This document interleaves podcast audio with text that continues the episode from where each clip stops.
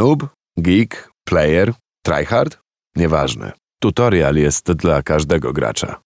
Kolejna sobota, po raz kolejny godzina 16 minęła, po raz kolejny spotykamy się w tutorialu. Marcin Osiadacz. I Kamil Michałowski. No i to my z wami przez kolejną godzinę będziemy rozprawiać o tym, co stało się w, na rynku gier komputerowych. No a proszę pana, działo się. Oj, działo się, działo się wczoraj, przedwczoraj. I, I przed, przed, i przedwczoraj. I w, we wtorek też. I w niedzielę nawet się działo zeszłą. No tak. To O Jezu, jeju, jeju, no działo się, było. Y, To może od tej niedzieli zacznijmy chronologicznie będziemy Dobrze, lecieć, proszę co? bardzo. Y, Było tak, że były wybory. O nich Mhm. oczywiście nie będziemy rozmawiać, bo to nie jest program o wyborach, ale w tym samym momencie, w którym na moim telewizorze odpalone były tam studia różne i tak dalej, i tam te słupki, wykresy. Wieczory wyborcze, tak. Tak, to ja na laptopie obok telewizora ustawiony miałem ekran z konferencją Ubisoftu. Ubisoft Forward 2020, tak się ta konferencja nazywała. No i można było tam zobaczyć tytuły, które przed nami. No i zobaczyliśmy, no cóż, no zwiastun Far Cry'a 6. No ale tu nie, nie ma za bardzo o czym gadać, poza tym, że poznaliśmy jakiś tam mikrowycinek. Ładny filmowy I- zwiastun. ta- No i wiemy, że będzie Far Cry 6, ależ jesteśmy zaskoczeni. Ojej, no od dwóch Far Cry'ów, tak mniej więcej licząc, od dwóch Far Cry'ów nic mnie już nie zaskakuje. Licz, licząc od dwóch Far Cry'ów, to nic mnie już nie zaskakuje, więc ten, jeżeli będzie czymś więcej, to się zdziwię. Ja natomiast wyczekuję, ponieważ po świetnej piątce potem przyszły dosyć e, ciężkie dni dla serii Far Cry. E, Ała, no. ale Bolesne. mam, mam nadzieję, że szóstka stanie na wysokości zadania. Zobaczyliśmy również zwiastun i nawet podsumowanie już rozgrywki z Watch Dogs Legion, czyli gry o hakerach z amerykańskich miast. Będziemy znowu mieli telefon. No jak ktoś nie zna Watch Dogs, to, to współczuję. To, to jest gra, w którą trzeba zagrać, zarówno w jedynkę, jak i dwójkę, chociaż w dwójkę no, ona już nie była tak przełomowa. Mm, Watch Dogs e, Legion to definitywnie tytuł dla tych, którzy z Watch Dogsami sympatyzują, a ja jestem taką osobą. Strasznie mi się podobała ta konwencja biegania z telefonem, hakowania rzeczy, wiesz, walki z korporacjami i tak dalej, i tak. Mm, Pokazano też wersję mobilną Brawlhalla. Pewno nie wiesz w ogóle, co to jest. Taka Brawlhalla? malutka gierka, w której pojawiają nie się znam postaci zupełnie. trzeba się wybijać za mapę. Spędziłem z nią kiedyś weekend. No niestety jakby nie zagościła na mojej konsoli zbyt długo. Upojny weekend was łączy, ale, dzieli Ale- was rozgrywka. Ale proszę pana, jeżeli pojawi się na y, telefony mobilne, to najprawdopodobniej na moim telefonie się znajdzie, bo to bardzo przyjemny tytuł. No, na konsoli mam o wiele więcej fajniejszych, żeby zagrywać się w Brawlhalla. Niestety. Mm, No i cóż, y, pokazano również Hyperscape'a, ruszyła też otwarta beta. No niestety Nie dla nas. nie dla nas, ponieważ e, mój komputer nie jest w stanie przyjąć em, Hyperscape'a, nad czym ubolewam. No a poczekamy po prostu na wersję konsolową. Ja specjalnie nawet nie oglądam transmisji, co chciałem zrobić. Żeby sobie nawet- nerwów nie A, psuć. nie, żeby ten, żeby nie wiedzieć w ogóle o co chodzi. Chcę, chcę ściągnąć, odpalić konsolę i samemu stwierdzić, czy mi się podoba, czy nie. Zobaczymy, czy będzie z kim grać, jeżeli Hyperscape ściągnie tylu graczy. Proszę pana, na pewno będzie z kim grać. Panie Kamilu, mówiłeś o Ubisoftie, o tym, co się w Ubisoftie i Ubisoft Forward zadziało w niedzielę. Zobaczyliśmy gameplay, zobaczyliśmy rozgrywkę Assassin's Creed e, Valhalla i pamiętając Odyssey, pamiętając Origins, no tu robi się coś pięknego, mój drogi. Naprawdę. No, y, rozmawiałem w ostatnim, ostatnich kilku miesiącach z wieloma osobami, które powiedziały, że Assassin się skończył na Origins. I co mnie to delikatnie zszokowało, bo ja uważam, że on się znowu Zaczął od się. początku zaczął na Tak, no dwie części, dwie części, które odświeżyły rozgrywkę, odświeżyły e, sposób walki, odświeżyły właściwie e, no, nie tylko e, całe skradanie się, ale też Dobra, otwarty no, świat. No, Zrobiły z Assassina trochę Wiedźmina. No, nie no zrobiły, się, no dobra, okej. Ale wyszło to Assassinowy, Assassinowi na dobre i nie bójmy się tego, po prostu Ubisoft zaczerpnął wszystko to, co najlepsze z, z naszej rodzimej produkcji i stwierdził, że przebuduje delikatnie serię i, i to się udało i nie ma tu się co czarować, tak jest i już i jest to po prostu, może nie jest to wybitna gra, ale jest poprawna, w którą da się grać i w której spokojnie można spędzić 150 godzin fajnie się bawiąc. A Możecie zobaczyć w internecie, historia, tak, możecie zobaczyć w internecie, jak dobrze pamiętam, 90 minut, 90 minut chyba już gameplayu z, te, z tego ty, tytułu, który będzie miał premierę 17 listopada. Kontrowersji mnóstwo, proszę pana. Tak, y, finishery, które w Assassinie były wcześniej bardzo mocne, teraz są jeszcze mocniejsze. No w końcu to świat wikingów, nie ma się co dziwić. No oczywiście. I też y, otwarty świat jest y, przepiękny, ale tak naprawdę za dużo innowacji w porównaniu do Odyssey nie ma.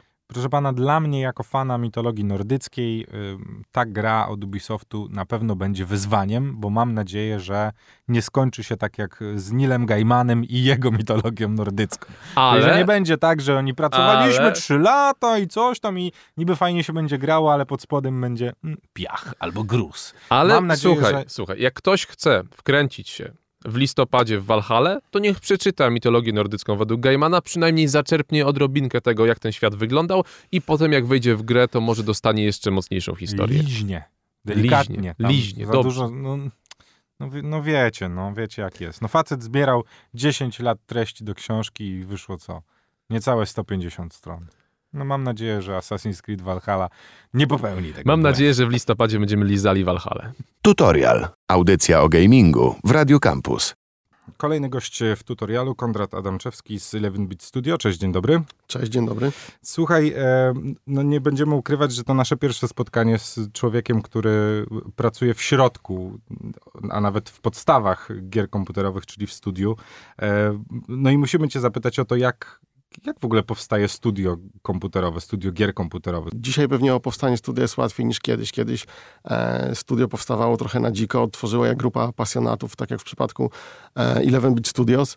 E, założyciele 11-Bit Studios, e, nasz prezes Grzegorz Michowski, to jest osoba, która jest na rynku gier, w ogóle w branży polskiej gier od samego początku. Był kiedyś założycielem firmy Metropolis, która stworzyła jedną z, e, jedne z pierwszych gier, tworzyła w Polsce, które powstawały nad Wisłą.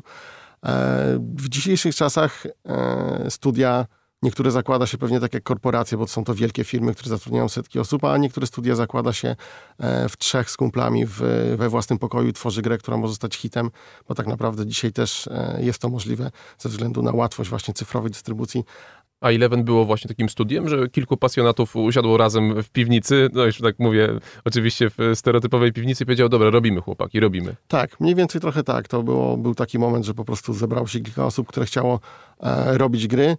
E, powstało kilka pierwszych produktów, gdzieś ta tożsamość firmy się kształtowała i gdy wyszła gra This War of Mine, która się ukazała w 2014 roku, która okazała się i sukcesem komercyjnym, i sukcesem e, artystycznym pod względem wizji, jaką prezentuje i unikatowości, e, jaką była na rynku ta gra.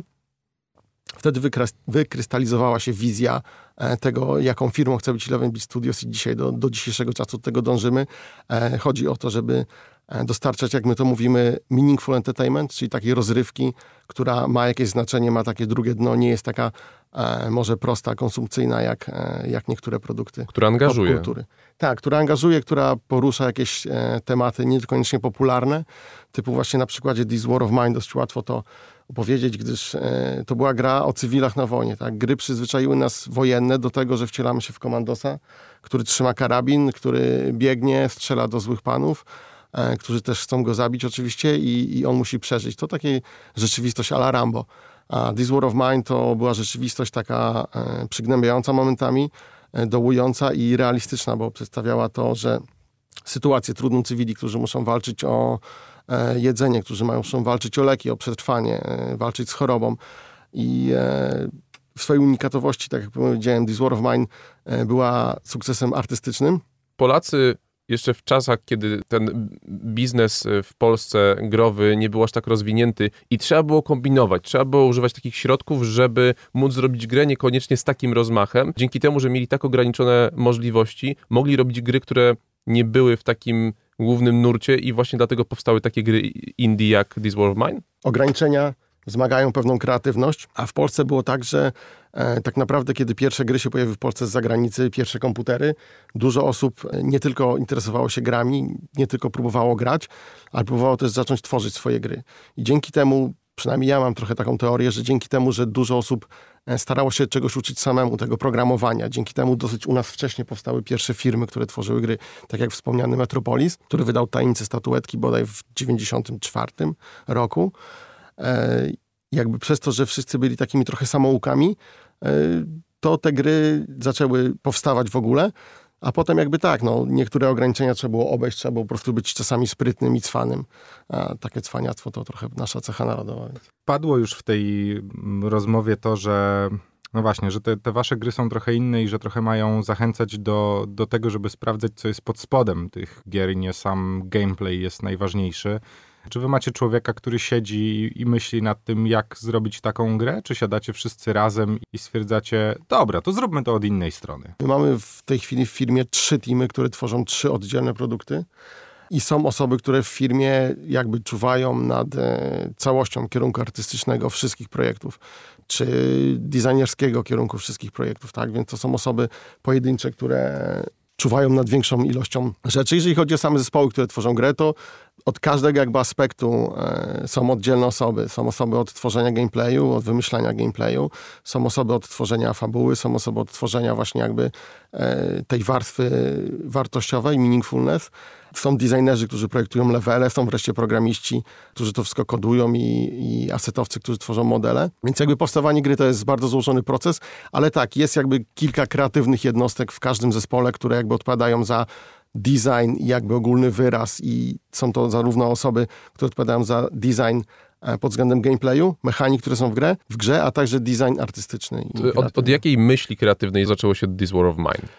This War of Mine zaczęło się, tak jak wspomniałem, od, od y, myśli o wydarzeń w Kosowie. Jakby wydarzenia w Kosowie pchnęły właśnie wspomnianego naszego e, szefa Grześka Michowskiego do tego, żeby pomyśleć nad y, grom, która przedstawia e, jakby zmagania cywilów, walkę cywilów o przetrwanie.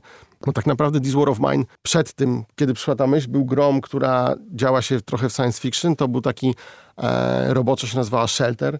A czyli, czyli, ona już wcześniej powstała nie, po ona części? powstawała koncepcyjnie pod względem mechanik rozgrywki, ale jakby ten film wojenny jeszcze tam nie był, ta tematyka wojenna jeszcze tego tam nie było, tak? I, i nie wszystko tam do końca grało w tym settingu science fiction, no nie nie zażarło to pewnie tak, szczerze mówiąc, gdyby to został ten setting science fiction, bo wcześniejsze gry, które stworzyło Eleven Studios, e, to była seria anomalii, to były strategie czasu rzeczywistego i one były właśnie w takich trochę futurystycznych e, czasach najemników i takich, e, jakiś taki modern warfare bardziej. I tutaj to był trochę ten kierunek cały czas This War of Mine, a potem przyszła myśl o, o Kosowie, o cywilach w czasie wojny, jakby przeprojektowano grę, e, postawiono inne priorytety e, designerom, no i powstał This War of Mine. To, to ciekawe, This War of Mine miało być science fiction, zanim stało się takim hitem i taką historią. Jak robi się narrację do takiej gry jak This War of Mine, to jak wiele materiałów trzeba wcześniej przyswoić? Jakie duże research i przygotowanie musi przejść studio, żeby zrobić wiarygodną grę wojenną? Żeby człowiek, który dokonuje tych wątpliwych moralnie wyborów,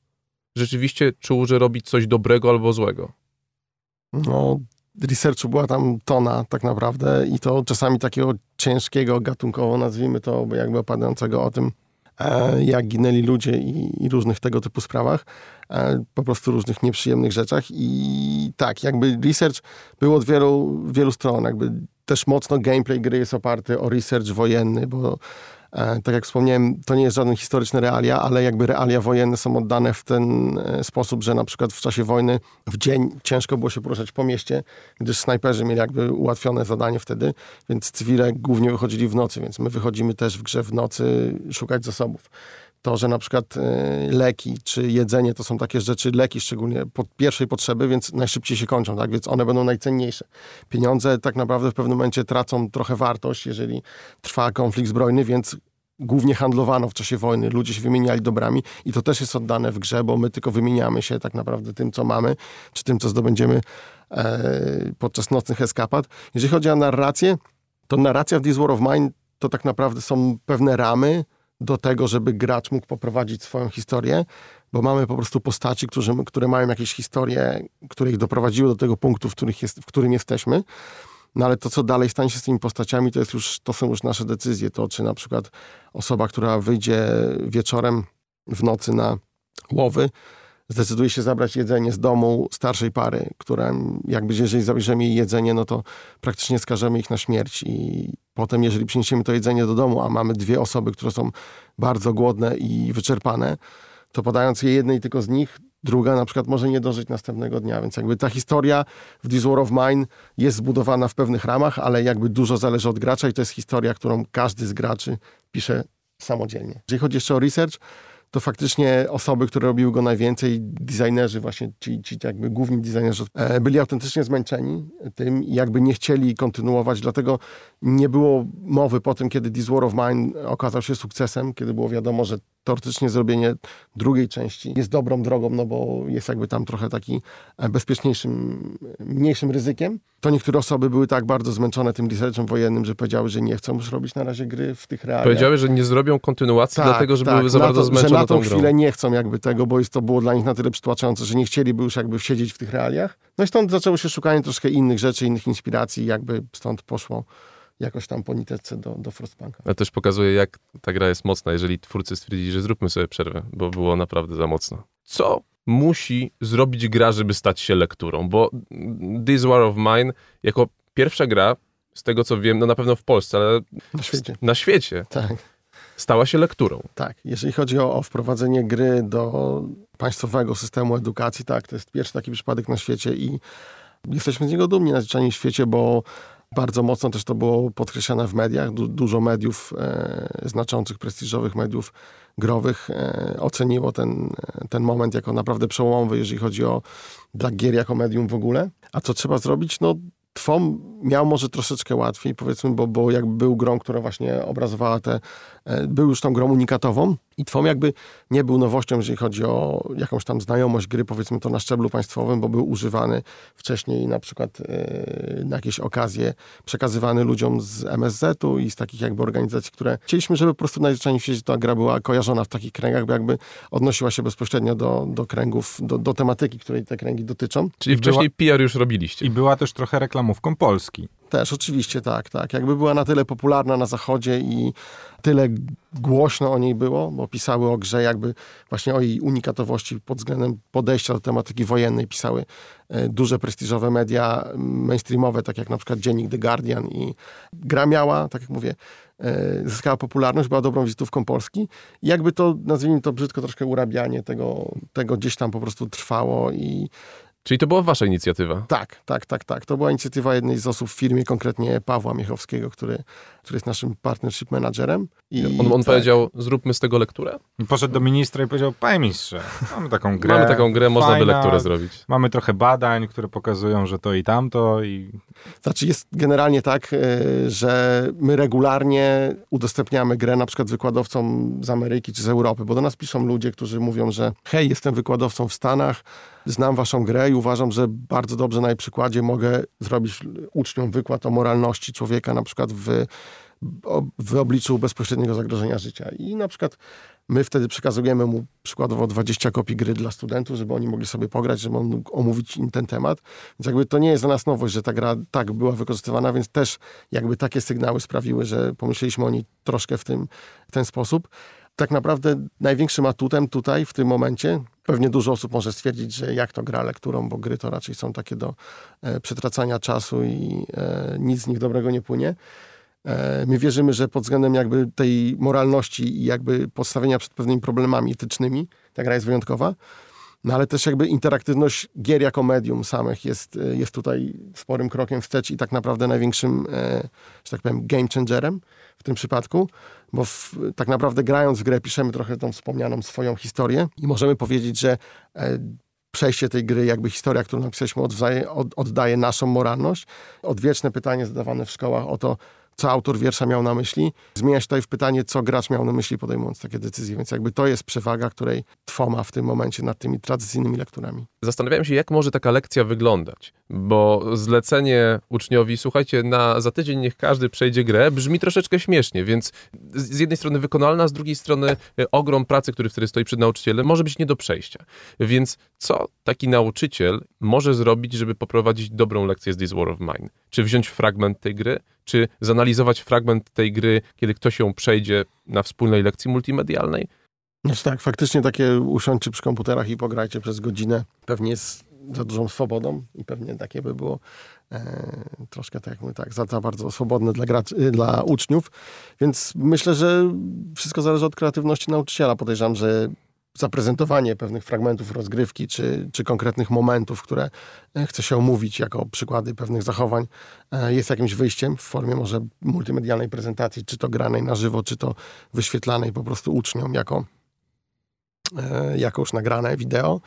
Y, Albo ewentualnie przygotowanie sobie po prostu gry tak, żeby każdy uczeń zagrał od pewnego momentu, jakby w którym nastąpią te konkretne wydarzenia, tak, które, które chce się omówić, więc myślę, że jakby gra daje pewną tutaj swobodę tak, nagrania, e, grania samemu, ewentualnie, tak jak mówię, od pewnego momentu, więc e, myślę, że kreatywność nauczycieli liczymy na to, bo szczerze mówiąc, sam się jeszcze nad tą kwestią nie zastanawiałem, jak ja bym taką grę wykorzystał.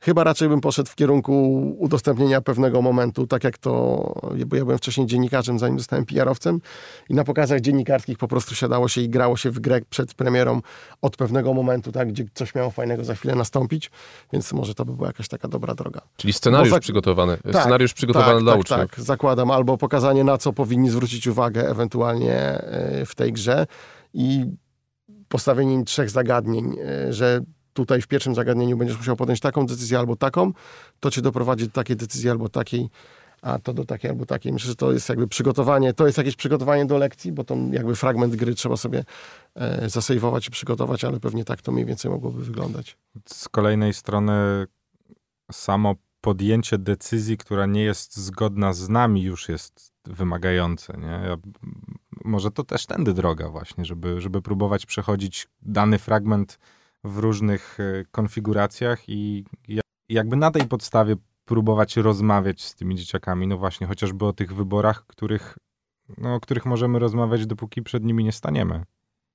Tak, zdecydowanie. Też można na przykładzie tym pokazać e, dwie różne ścieżki, które wychodzą od dwóch różnych wyborów. E, więc to też jest na pewno jakieś pole do, do rozważań, która z decyzji była lepsza. Chociaż z drugiej strony wiele decyzji podejmowanych w TWOMie jest tak, że żadna nie jest do końca dobra, więc, więc to też jest jakaś ewentualnie nauka dla uczniów. czekam na prace naukowe na temat tego, jak gra stała się lekturą i jak, jaki może mieć i jaki będzie miała wpływ na No. edukację. Dostajemy też prace jakby doktorackie, które były pisane za granicą na przykład, czy licencjackie na podstawie, na podstawie TWOMa. Tak, więc. W ogóle mnie to nie dziwi, szczerze mówiąc. Konrad Adamczewski, 11 Beat Studio, był naszym gościem e, w tutorialu w Radio Campus na 97.1 FM. Wielkie dzięki. Dzięki. No i mam nadzieję, że przy kolejnym tytule będziemy mogli się spotkać i jeszcze raz pogadać o tym, jak to 11 Beat Studio robi gry trochę pod prąd. Konsola? PC? Nieważne. Tutorial jest dla wszystkich. Panie Marcinie, y, dwa doniesienia, to znaczy jedno ode mnie, a potem sobie podyskutujemy o nowym tytule, który wyszedł y, wczoraj. Pierwsze doniesienie jest takie, że Valorant, o którym Mhm. wspominaliśmy niegdyś i nawet ja się z nim rozprawiłem i mówiłem, że będziemy się z nim rozprawiać y, zapewne wiele razy, y, otrzymał serwer nowy, bardzo blisko nas. Gdzie?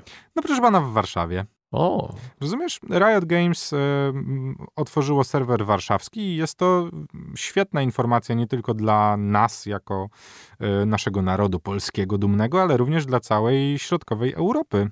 Ale tej- jak to pomoże graczom? części. Jak to pomoże graczom? Dla tych, którzy nie wiedzą, czym jest serwer No, nowy. znaczy ogólnie rzecz biorąc, wszystkie gry sieciowe są podpinane do różnych serwerów. Te serwery rozmieszczane są w różnych miejscach na globie i czym masz bliżej do serwera, tym lepiej, ponieważ masz mniejsze opóźnienie i stabilniejsze łącze. My przeważnie łączeni jesteśmy z serwerami, no najczęściej niemieckimi, bo zazwyczaj w Niemczech takie serwery się e, stawia duże. No, ewentualnie gdzieś kraje nordyckie również mają swoje serwery. No dalej to już e, Wielka Brytania. Czyli Ale- rozumiem, że Polacy y, grający w tę grę teraz y, szukają, gdzie ten serwer w Warszawie jest i będą tam kupowali mieszkania. No aż tak to chyba nie, ale sama informacja o tym, że ten serwer będzie i nasze komputery będą łączyły się z serwerem polsko-warszawskim, a nie berlińsko-niemieckim, no już sprawi to, że ta rozgrywka powinna być, no właśnie, przyjemniejsza, na pewno bardziej y, płynna i stabilniejsza. Drugą sprawą jest Ghosts of Tsushima. Tsushima. Tu, Tsushima. ja, ja miałem problem z wymówieniem tego. Czy Tsu- Tsushima, czy Tsushima, czy Tsushiba? Nie, Tsushima. Tsushima. To jest taka ten, wyspa. Taka wyspa w Japonii, tak, przy Japonii. Tsushima. Tsushima. Tsushima. Tsushima. No, trzeba było zadzwonić do jakiegoś Japończyka. Znaczy, ja nie, nie znam chyba żadnego. Ja też nie, niestety. Mam kolegę, który studiował chyba japonistykę. Na polsko-japońskiej szkole. Nie, nie, na Uniwersytecie Warszawskim chyba. Okej. No ale to nieważne. Y, Wyszło w każdym razie. Wczoraj wyszło, już y, pierwszy gameplay mieliśmy od razu też przy premierze. To poczekaj, żebyśmy w ogóle usystematyzowali sobie to, o czym mamy mówić, ponieważ y, jest to tylko i wyłącznie ekskluzywny tytuł na konsolę PS4 stworzony mm, przez studio, które odpowiedzialne było za Infamous. Chyba w miarę jasne. Sucker Czyli- Punch. czyli- Studio się nazywa Sucker Punch. Tak, czyli dostaliśmy kolejnego sandboxa, ale z elementami skradania. Proszę, oddaję panu głos. Elementy skradania, tak, elementy skradania są, mam wrażenie, tam dominujące, dlatego że niezależnie jak dobry jesteś, to kiedy wrogów kupa, to i Tsushima No wiadomo, wiadomo. co. Więc tego skradania jest mnóstwo. Długi gameplay dostaliśmy wczoraj. Jeszcze nie zdążyłem zagrać, pewnie zagram e, dopiero w przyszłym tygodniu, kiedy tę grę e, zakupię. E, No ale właśnie, czy, czy to jest super? Niestety zrobiłem to w takiej kolejności, że obejrzałem gameplay tej gry, a wcześniej oglądałem rozgrywkę z Assassin's Creed Valhalla i tu, przy tej grze w, w Japonii, w feudalnej Japonii, mam wrażenie, że troszeczkę mniej się dzieje. Jest tak wolniej, No to jest takie mniej dynamiczne. No to tak jakbyś porównywał Need for Speed do Gran Turismo, no. Myślisz, że aż tak? Tak, nie, nie, nie spinałbym się. To, to chyba dwie zupełnie inne gry i gry zupełnie nastawione na coś, coś innego. Takie trochę mam wrażenie. Powiedziałeś, że kupisz. Kupię, Kupisz? kupię. To jak przejdziesz, to za tydzień mi pożyczysz, co? Oczywiście. Bo ja już wiem, ile trwa rozgrywka w Ghost of Tsushima, ale nie będę ci psuł zabawy. Nie. dlaczego, dlaczego mi ty... Ja to, nie, dobra, ja nie będę sprawdzał, nie będę nie, sp- sprawdzał. ale nie sprawdzaj. Ale nie? to przynajmniej tak mi nakieruj. Y, Możemy Nie, nie, nie. w, pomidor nie. zagramy. Nie, Czy, nie, nie, nie czy dwa zagrajmy- dni, trzy? Nie, zagrajmy, nie zagramy w pomidora. Mam nadzieję, że będziesz chciał robić platynę. Ja po zobaczeniu gameplayów y, kupię, ale na promocji. No Okej, dobrze, to, to taka kara. Taka kara Na- dla Sony. Znaczy może nie kara, ale ja po prostu, wiesz, no to, to jednak jest gra singlowa, która się nie zestarzeje, tak? No raczej, ja, raczej. ja na przykład nie, nie, szczerze mówiąc, e, drodzy Państwo, ja nie kumam kupowania gier na premierę singleplayerowych. W sensie, co to zmieni? No. Czy zagram w nią teraz, czy za rok? A podejrzewam, że Ghost of Tsushima na promocji znajdzie się, co mamy? Lipiec? To myślę, że jeszcze w tym roku ją kupię na promocji za 130, 120 Przełom zł. sierpnia i września. Nie, no trochę później, ale myślę, że już na świątecznej promocji znajdę za, za około 120 do 150 zł. Bez bólu.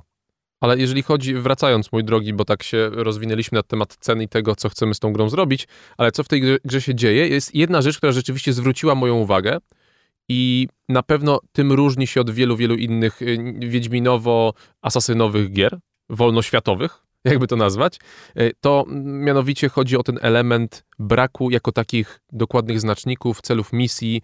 Ten świat jest na tyle otwarty, że dla graczy Pan biegnie. pan biegnie. Ale z drugiej strony nie jest to gra typu Souls, nie? W sensie to, to nie jest... y, Znaczy tam jest cokolwiek oczywiście, ale, Znaczy tak, ale, ale, nadal musisz, y, musisz opierać się na, na tym, co widzisz w otoczeniu, na śladach, na Mhm. jakichś y, punktach na mapie. Przypomina mi to troszeczkę początki WoWa, pamiętasz?